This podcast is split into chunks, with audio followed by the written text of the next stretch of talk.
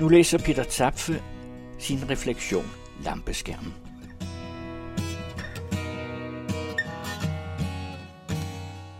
Det er sjældent, at en enkelt ting, bare ved sin blotte, tavse tilstedeværelse, kan præge et ellers hyggeligt arrangement, præge deltagerne med skræk, mareridt og rejsel. Det er næsten ikke til at tro, men det skete for os, en gruppe seniorspejdere på skitur i Norge. Vi havde fejret nytåret udenfor i sneen, og både set nordlys og haft bål og skålet i forskellige medbragt spiritus, som var en blandet cocktail af alt det, vi havde haft med netop til dette nytår. Det havde taget mig lang tid at forholde mig til denne ganske lille historie, fordi det efterhånden er lang tid siden, og den også indeholder noget grusomt og frygteligt. Men jeg har talt med en af mine gamle venner, der har været lige så tæt på det her, og nu håber jeg ikke, denne historie vil skræmme nogen alt for meget. Vi var, som sagt, en flok seniorspejdere, og vi boede på et lille hotel på denne skitur. En aften var vi efter middagen samlet i en hyggelig stue. Vi var åbenbart de eneste gæster på hotellet på det tidspunkt, så vi forstyrrede ingen, når vi hørte musik fra en lille transistorradio. Et par jævnaldrende piger, der arbejdede på hotellet, dukkede op efter, at de havde fået fri, og enkelte af os dansede med dem til musikken, og der blev også danset kinddans og småkysset.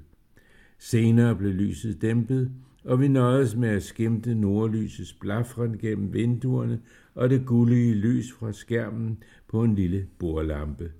Det var meget romantisk. Langt senere kom en af de ansatte og bad os om at være stille og gå til sengs.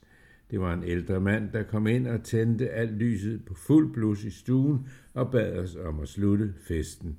Så slukkede han lyset igen, og vi forlod stuen og gik til vores værelser. Det sidste lys, der endnu var tændt, var på den lille lampe med den gullige skærm. I halvmørke gik jeg hen for at slukke den. Jeg ledte efter en kontakt på lampen, men jeg kunne ikke finde nogen. Til gengæld kunne jeg se, at der på den ene side af selve skærmen var forskellige motiver, som jeg ikke havde lagt mærke til før.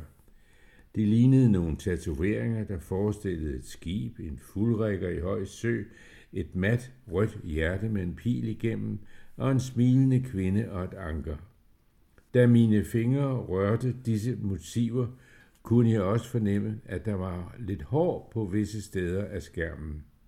Langs hele skærmens nederste kant kunne man også læse de store, sorte, kantede, gotiske bogstaver, hvor der stod Gryse aus Buchenwald.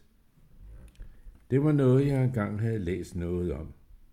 Lampeskærmen var nemlig beklædt med ægte menneskehud, med tatoveringer, oprindeligt fra en koncentrationslejrfange i koncentrationslejren Buchenwald. Jeg havde læst, at nazisterne nogle gange netop udvalgte fanger, der havde tatoveringer. Det blev deres dødsdom.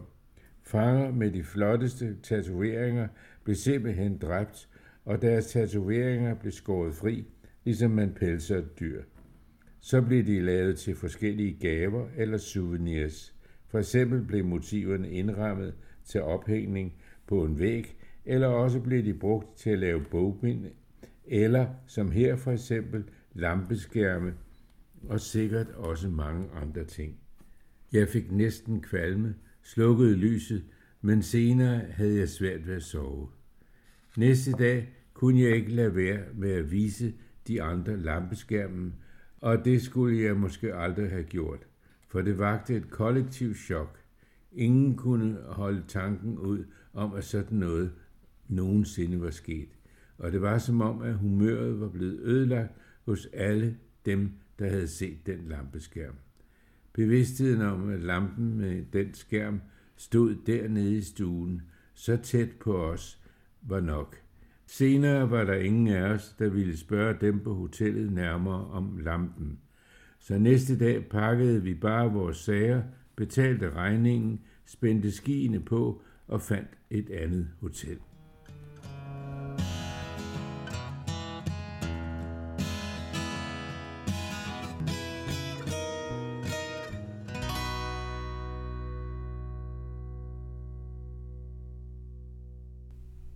Lampeskærmen er skrevet og læst op af Peter Tapfe, og han står også for musikken.